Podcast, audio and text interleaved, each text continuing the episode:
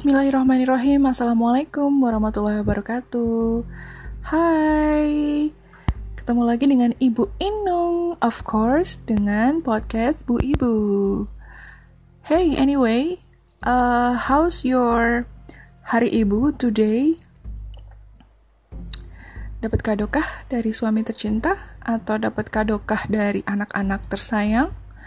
Kalau saya enggak, jujur aja Dan sampai 11 tahun saya eh 11 tahun 10 tahun saya jadi ibu uh, belum pernah mendapatkan kado sekalipun yang pas dikasih di hari ibu. But that's okay. Dan sebenarnya saya juga nggak ngarepin sih. Biasa aja gitu loh. It's just an ordinary day for me. Ya seperti hari ini juga aku tetap melakukan kegiatanku sebagai ibu seperti biasa, ngurusin bocah, empat, ngurusin suami, dan satu lagi yang mungkin jadi sebuah pengalaman tersendiri buat aku hari ini pagi-pagi kucing piaraanku yang betina melahirkan empat kittens. Oh yes, dan aku nolongin nolongin dia buat uh, melahirkan itu. Thanks God. Jadi, is it a special day for me? Um, not sure. Tapi yang jelas di hari ibu ini ya uh, lebih ingin empower myself aja gitu loh sebagai seorang ibu gitu bahwa kita punya cinta yang tulus, kita punya kasih sayang yang begitu besar untuk anak-anak terutama ya, karena mereka lah yang membuat kita disebut sebagai ibu. Alright, setuju? Sepakat ya? anyway, um, ini podcast kesekian ya, dan jaraknya jauh banget dari podcast aku sebelumnya yang ngomongin soal insecure Kenapa kok nggak segera dibikin ya? Apakah aku sedang insecure? well, sometimes. Karena sebagai seorang individu perempuan, terus juga sebagai seorang istri, sebagai seorang ibu, rasa insecure itu pasti ada. Insecurities itu pasti ada. Apa sih yang jadi bikin seorang ibu Inung itu merasa insecure? Oh, banyak, banyak sekali. Let's check one by one if you wanna know. Oke, okay, um, kita lihat dulu dari sisi mana ya? Oh, ini. Kita lihat dulu dari sisi physical performance, penampilan fisik.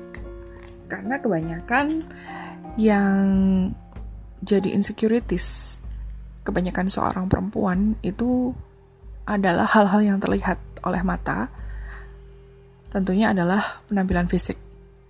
Nah, apakah aku juga mempunyai insecurities seperti itu?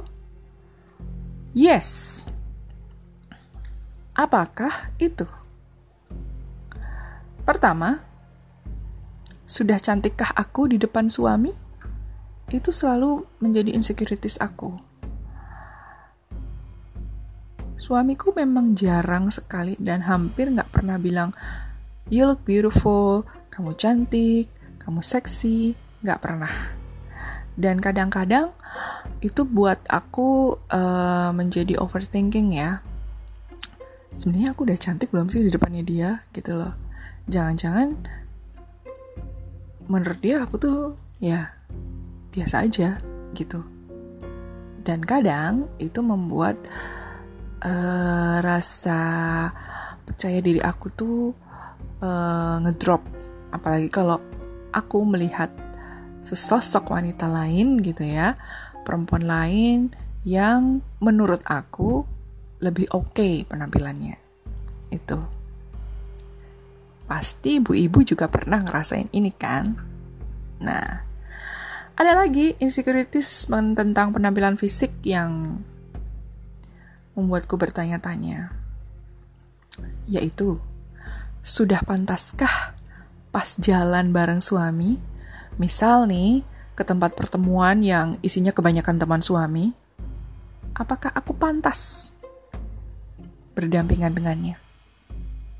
How do I look when I'm with him dan harus bertemu dengan kolega-koleganya misalnya. Apa yang akan mereka nilai tentang diri saya? Itu adalah salah satu pertanyaan terbesar dalam diri saya. Gitu. Dan aku yakin banyak juga istri-istri yang merasa seperti itu. Terus, yang membuat aku overthinking adalah apakah sudah glowing, ya kan? Beberapa tahun terakhir ini yang digembar-gemborkan bahwa seorang wanita harus terlihat sempurna itu adalah kulitnya, pancaran mukanya itu harus glowing. Nah, gitu ya. Bukan ngelengo ya. Tapi glowing-glowing sehat gitu, berkilau-berkilau gitu. Terus mulai muncul lagi pertanyaan terhadap diri sendiri, apakah mulai muncul keriput, kerutan-kerutan, atau mungkin juga ketika berkaca menemukan sesuatu, OMG, ubanan. Do I look older than my age? Ya kan? Perempuan kadang gitu kan? Dan satu lagi nih, yang paling banyak menjadikan seseorang itu kemudian merasa insecure adalah apakah badanku bertambah gemuk? Right? Kira-kira gimana itu? Apakah insecurity seperti ini ada solusinya? Ada. Kalau buat saya sih, saya mempunyai solusi sendiri tentang ini. Pertama, kulit bisa glowing atau enggak itu kan tergantung kita merawatnya, ya kan? Ya kita todong aja suami kita buat beliin skincare, skincare, serum-serum, essence, krim-krim yang berkhasiat untuk mengembalikan kecerahan wajah kita, ya kan, supaya nggak kusam lagi, gitu. Jangan berharap ketika baru sekali dua kali pakai uh, treatment kit gitu terus langsung bisa glowing seperti Song Hye Kyo gitu ya. Nggak mungkin lah ya. Itu perlu berbulan-bulan bertahun-tahun gitu dan ketelatenan kita gitu. Jadi ya nggak masalah dong kalau misalnya kita uh, mempunyai solusi dengan cara seperti itu bukan berarti kemudian kita memanjakan kulit secara berlebihan. Enggak, ini juga sebagai upaya supaya ketika kita berdampingan dengan suami kita itu juga enak dilihatnya. Ketika kita berduaan dengan suami kita, suami kita juga enak melihat kita. Ya nggak sih? Nah, kemudian masalah yang lain, apakah pantas kita berdampingan dengan suami kita ketika akhirnya harus bertemu dengan kolega-kolega dia rekan-rekan kerja dia atau teman-teman main dia gitu. Ya sudah sepantasnya kita memantaskan diri gitu ya. Nggak mungkin dong kita pakai baju sembarangan gitu kan ya. Nggak mungkin kita juga nemuin teman-temannya dia kolega-kolega dia dari kantornya gitu pakai dasteran doang gitu nggak mungkin lah ya of course kita akan bisa uh, apa ya memang sedikit effort untuk bisa uh, membuat kita enak dipandang oleh orang lain. Tapi ingat, kita melakukan itu untuk kebahagiaan kita, untuk merasa bahwa uh, menambah self esteem kita itu uh, lumrah gitu loh. Bukan untuk membahagiakan orang lain. Ya, kita dandan, kita make upan, kita pakai baju yang proper gitu ya, yang rapi itu bukan buat bikin mereka senang, tapi buat bikin kita diri sendiri itu seneng gitu loh. When we feel glad about ourselves, when we feel happy, when we feel confidence, tentu kita akan merasa nyaman-nyaman aja dengan diri kita. Ya, ya nggak, ya nggak, ya nggak. Lalu mengenai pertanyaan apakah aku bertambah gemuk? Well, yang satu ini juga bisa diusahakan solusinya, yaitu pola hidup sehat. Apa itu? Makan makanan bergizi. Kalau perlu ya diet.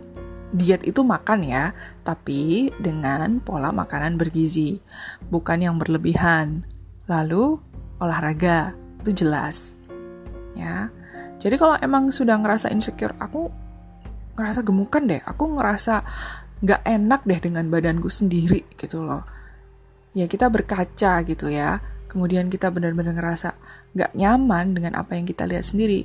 Let's start to uh, change ya. Mari kita coba untuk merubah diri sendiri secara positif gitu loh. Kalau emang gak mau gemuk ya, diet jangan jangan terus nggak makan seharian nggak makan apa pun gitu ya nggak tetap makan tapi dengan uh, porsi yang sehat dengan isi yang sehat seperti itu. Karena hal-hal seperti ini itu memang bisa kita rubah ya kan? Kita punya solusinya sendiri kok. Kalau kita mau. Jadi intinya adalah niat. Hmm. Seperti sekarang nih aku ju jujur aku juga ngerasa uh, beberapa bulan yang lalu aku ngerasa I don't feel comfy with myself. Jadi with my body especially jadi aku memutuskan untuk memulai pola hidup sehat and thanks God ya ini karena niatku juga support dari sekelilingku kemudian mungkin juga bantuan dari Tuhan juga empat setengah bulan itu aku turun 7 kilo. Mungkin belum banyak. Mungkin gak sebanyak teman-temanku yang lain yang perempuan yang uh, bisa lebih banyak weight lossnya. Ya, weight loss itu aku buat sebagai bonus. Karena tujuan utamaku adalah membiasakan diri untuk uh, makan makanan yang lebih sehat. Begitu. Siap, Bu Ibu? Ya. Kemudian, Selain physical performance, apa sih insecurities yang lain?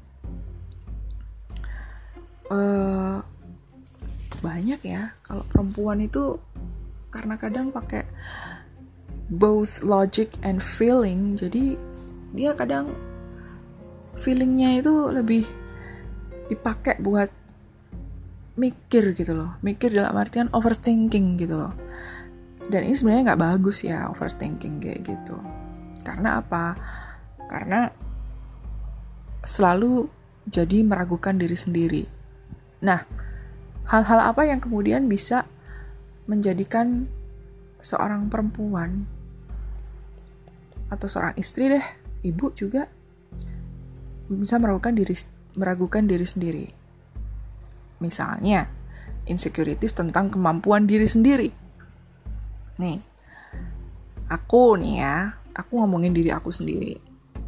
Ya, kalau misalnya ada yang sealiran ya, ya kita sama.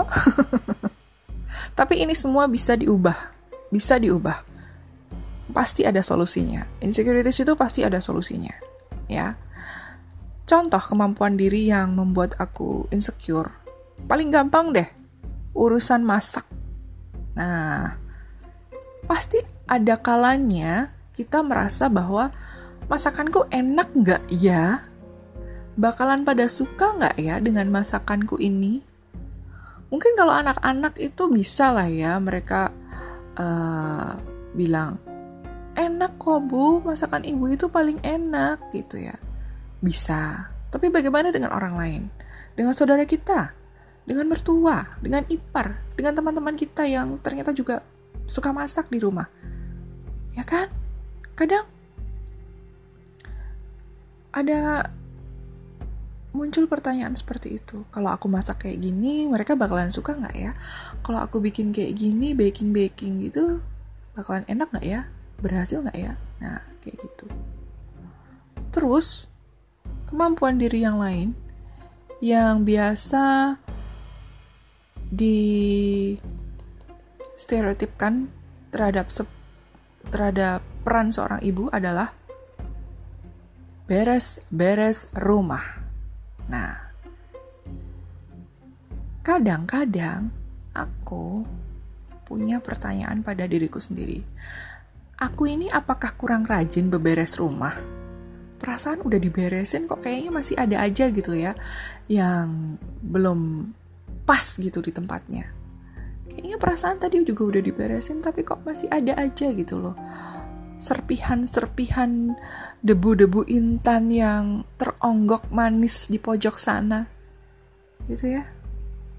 Atau misalnya, pertanyaan seperti, rumahku ini sebenarnya udah beneran rapi belum sih? Ntar kalau ada orang ke sini tiba-tiba menilai rumahku bagaimana? Gitu ya. Beneran deh. Maksudnya, aku sudah mungkin berjuta-juta kali dalam sehari nyapu, beresin ini itu segala macem. Tapi udahannya ya kayaknya belum beres deh. Kayaknya belum rapi deh. Wah. Padahal ya mungkin menurut orang lain udah rapi-rapi aja gitu. Bahkan ada yang bilang bahwa rumahnya rapi ya anaknya empat kayak gitu. Lah emang gimana perasaan rumahmu lebih rapi deh. Ah enggak rumahku itu lebih berantakan. Aku itu aku itu nggak pernah beres-beres. Kalau ini sih beres rapi gitu. Kadang aku juga ah masa sih? Wow banget berarti ya kerjaanku. Atau jangan-jangan dia hanya ngeledek ya nyindir gitu. Well wallahu alam ya tapi yang jelas ada pikiran-pikiran seperti itu. Rumahku udah udah beneran rapi belum sih gitu kan. Tapi itu nggak nggak nggak sering sih. Nggak sering aku jadikan sesuatu yang aku pikirkan banget banget kayak gitu. Karena kalau misalnya aku bener-bener terus berpikiran seperti itu jangan-jangan aku OCD ya.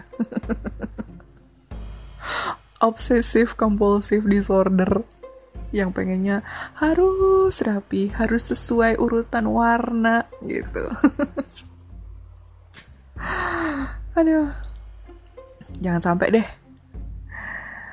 Eh, ngomong-ngomong soal Hari Ibu, banyak juga yang mengidentikan bahwa ibu adalah madrasah pertama bagi anak-anaknya.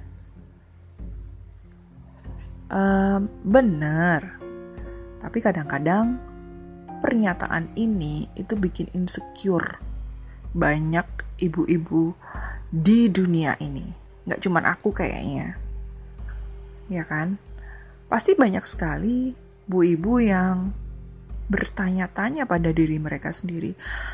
Apakah aku udah benar cara ngajarin atau ngedidik anak-anak? Bener gak sih caraku ngomong ke anak-anak?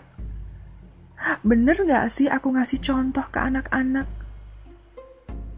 Nah, ini, ini yang banyak sekali jadi pikiran bu ibu.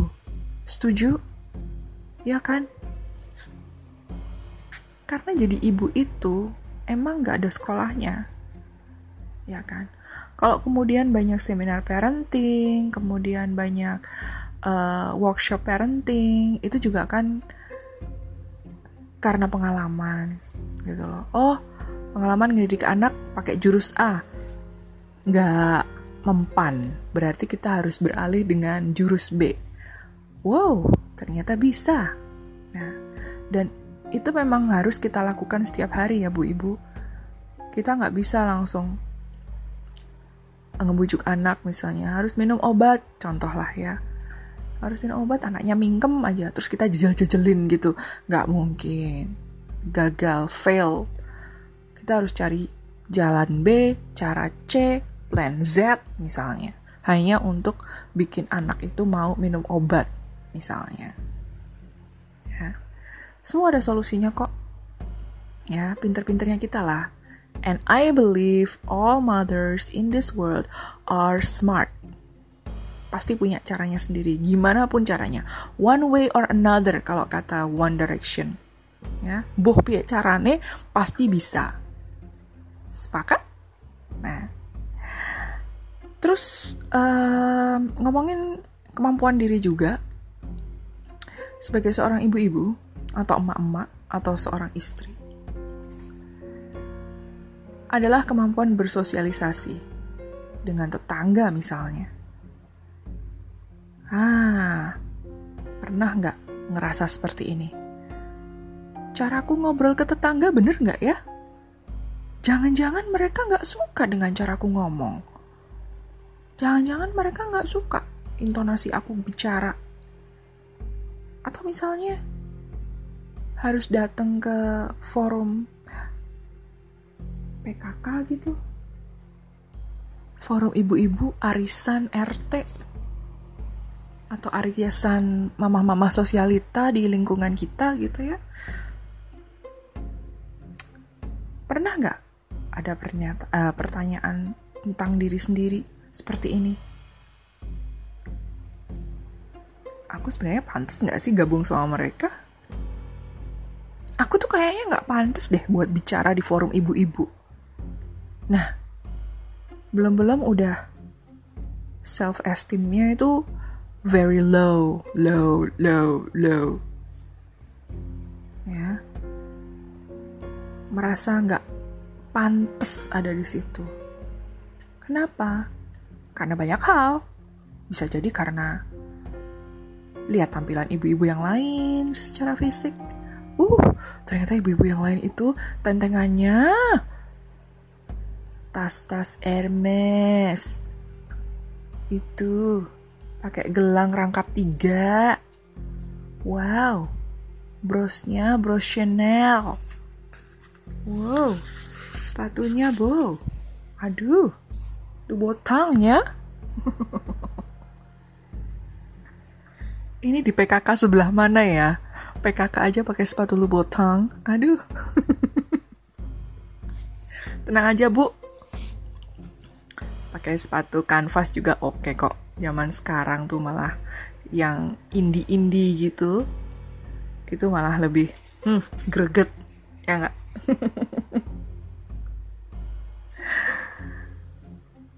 Tenang bu. Semua ada solusinya.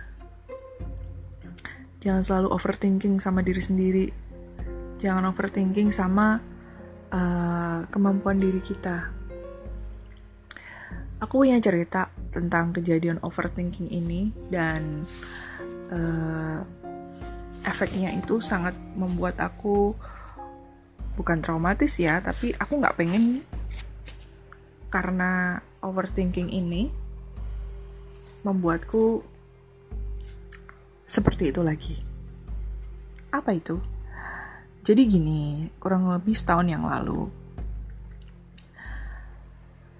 aku ini kan uh, ibu dari empat anak, di mana anak-anakku itu kan homeschooling dari usia dini ya, dari usia mereka tiga tahun gitu. Ah, ketika anak pertamaku usia tiga tahun itu sudah homeschooling. Homeschooling yang kayak gimana toh? Ya homeschooling, homeschooling, sekolah di rumah dengan metode unschooling. Jadi tidak menerapkan uh, kurikulum sekolah umum di rumah jadi apa pun yang ingin mereka pelajari, ya aku harus siap gitu. Nah, pada suatu waktu, aku itu pengen banget menjadikan diriku itu sebagai sosok ibu yang ideal, apalagi dengan anak-anak yang homeschooling. Jadi, aku ingin membuat diriku itu, ini jujur ya, aku ingin membuat diriku itu se aku nggak mau bilang seperfect mungkin ya, tapi seideal mungkin. Seideal mungkin sebagai gambaran seorang ibu rumah tangga yang bisa mengurusi segala pekerjaan domestik, mengurusi anak-anak, dan menjadi guru untuk anak-anak yang homeschooling. Nah ini, tiga ini, tiga ini ketika aku bisa menyelesaikannya dengan baik, aku merasa aku akan menjadi seorang ibu yang ideal, seorang ibu rumah tangga yang ideal. Aku kemudian membuat jadwal per hari ke anak-anak. Uh, ini bagus ya sebenarnya karena anak homeschooling itu memang harus ada jadwal per hari jadwalnya ya kita nggak harus melulu jadwal seperti di sekolah kayak hari ini bahasa Indonesia matematika kemudian uh, bahasa Inggris nggak nggak seperti itu. Tapi lebih ke uh, misalnya bahasa bahasa apa kemudian membahas apa mau bikin apa bikinan apa kayak gitu. Nah selain membuat jadwal untuk uh, kegiatan mereka setiap hari aku juga bikin jadwal untuk diriku sendiri. Jadi aku bikin schedule. Apa yang harus aku lakukan tiap hari dari mulai jam berapa sampai jam berapa. Jadi aku punya target. Nih jadi setahun yang lalu aku itu punya target anak-anak itu harus sudah mulai belajar jam 8 pagi. Which is aku harus selesai aku harus mulai bekerja, mengerjakan uh, pekerjaan domestik, masak, beres-beres rumah dan sebagainya itu dari pagi Nah, jadi setiap pagi itu aku bangun sekitar jam setengah empat pagi. Kemudian melakukan pekerjaan semuanya, kecuali mencuci ya. Uh, mencuci baju itu kerjaan suamiku tiap pagi. Aku ngerjain semuanya. Aku harus memastikan bahwa ketik uh, sebelum anak-anak itu beraktivitas belajar, mereka itu sudah mandi, sudah kenyang dengan sarapan mereka, sudah rapi tempatnya, Begitu pula aku. Jadi jam 8 itu kami semua sudah ready untuk uh, proses belajar mengajar di rumah. Terus belajarnya itu sampai jam berapa? Biasanya selesai waktu makan siang. Nah, karena makan siang karena waktu makan siang itu jam 12 siang dan ketika selesai aku ingin mereka juga langsung makan siang karena kemudian aku punya jadwal yang lain setelah makan siang. Jadi aku masaknya itu pagi-pagi. Habis masak buat sarapan aku masak sekalian untuk makan siang. Nah begitu terus setiap hari. Aku bikin jadwal untuk mereka bikin jadwal juga untuk tidur siang bareng-bareng sama mereka. Sore aku bikin jadwal untuk uh, kegiatan santai tapi tetap ada edukatifnya seperti itu terus dan kadang aku malam hari meskipun gak tiap hari ya malam hari itu aku masih sibuk juga dengan uh, pekerjaan lain yang gak sempet aku kerjain di pagi hari. And you know what? Kira-kira aku um, tiga bulanan ya kalau nggak salah. Tiga bulanan aku melakukan itu, aku mulai sakit. Awalnya aku nggak tahu, nggak sadar kalau aku sakit.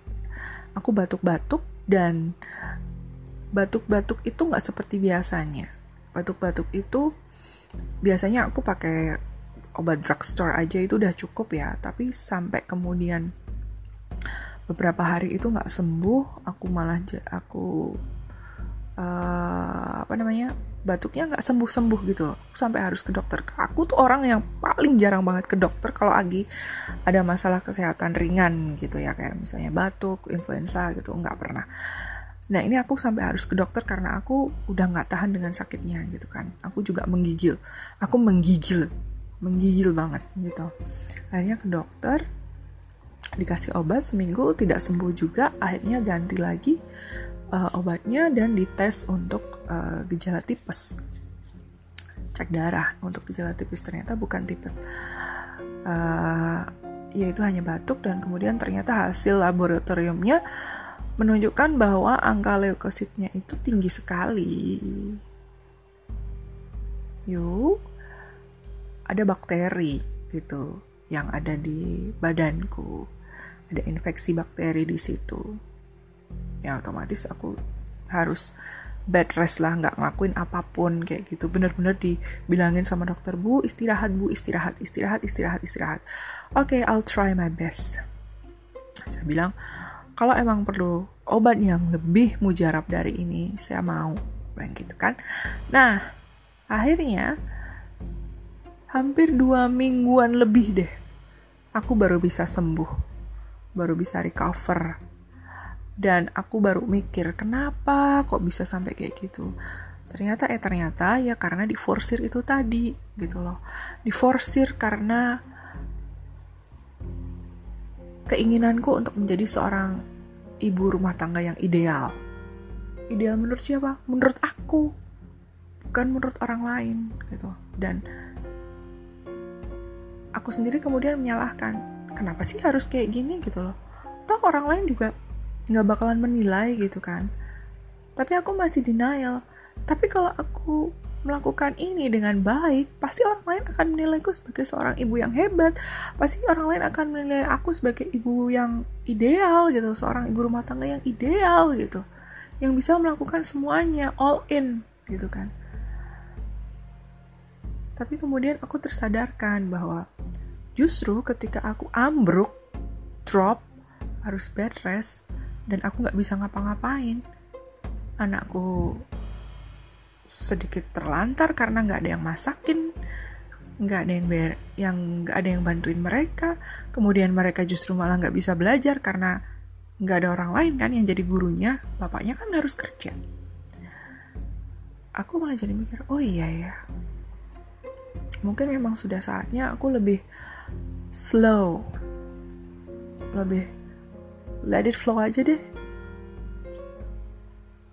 Nggak ada waktu masak ya udahlah pesen aja. Nggak dimasakin juga anak-anak bisa telur bisa masak telur ceplok sendiri. Ya kan? Nggak diberesin juga anak-anak nyantai-nyantai aja nggak protes. Nggak ada yang protes.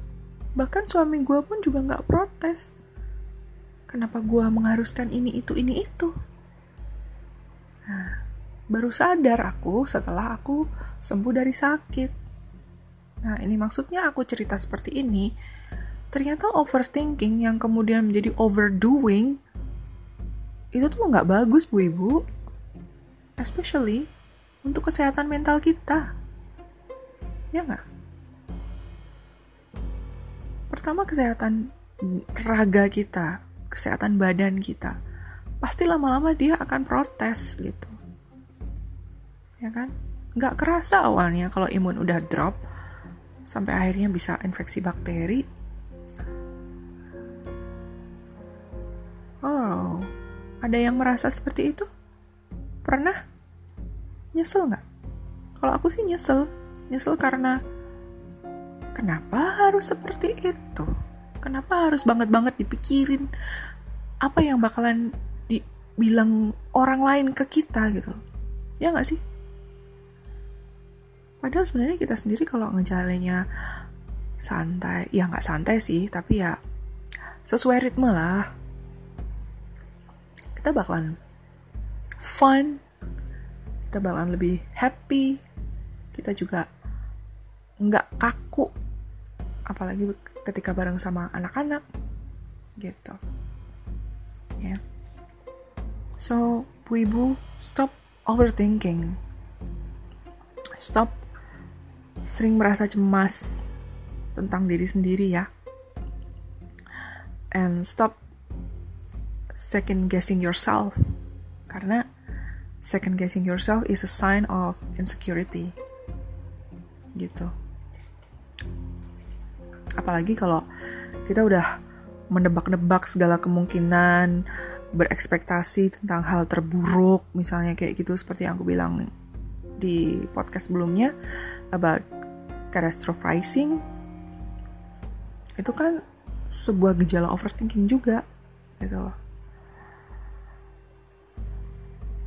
So bu ibu mari kita mulai menerima keadaan diri kita tapi bukan berarti terus menerima terus pasrah gitu. Yo wes nih aku elek ki elek wae. Nggak begitu bu. Kamu bisa tetap dibikin cantik. One way or another. Seperti yang aku bilang tadi. Boh piacarane kowe iki iso ayu bu. Ya, kalau cuma masalahmu masalah muka, belajar dong dandan misalnya seperti itu. Ya kan? Kemampuan diri yang lain. Wah, masakan kurang enak, belajar masak toh yang bener. Ya kan? Banyak solusinya. So, kita embrace dulu sebenarnya keadaan diri kita sekarang, lalu kita berusaha untuk nyari solusinya. Kalau mentok, bisa kita tanyakan ke suami. Suami, Bu. Jangan ke Facebook. Jangan curhat ke Facebook, Bu.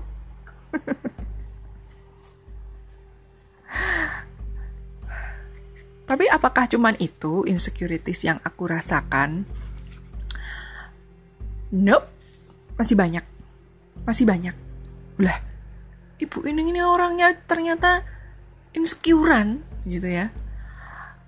Gini, jadi insecure itu atau overthinking itu sebenarnya agak perlu kalau menurutku sih supaya kita kemudian bisa mencari solusi untuk masalah-masalah yang menurut kita harus segera diberesin gitu dan kita nggak bisa apa namanya uh, kemudian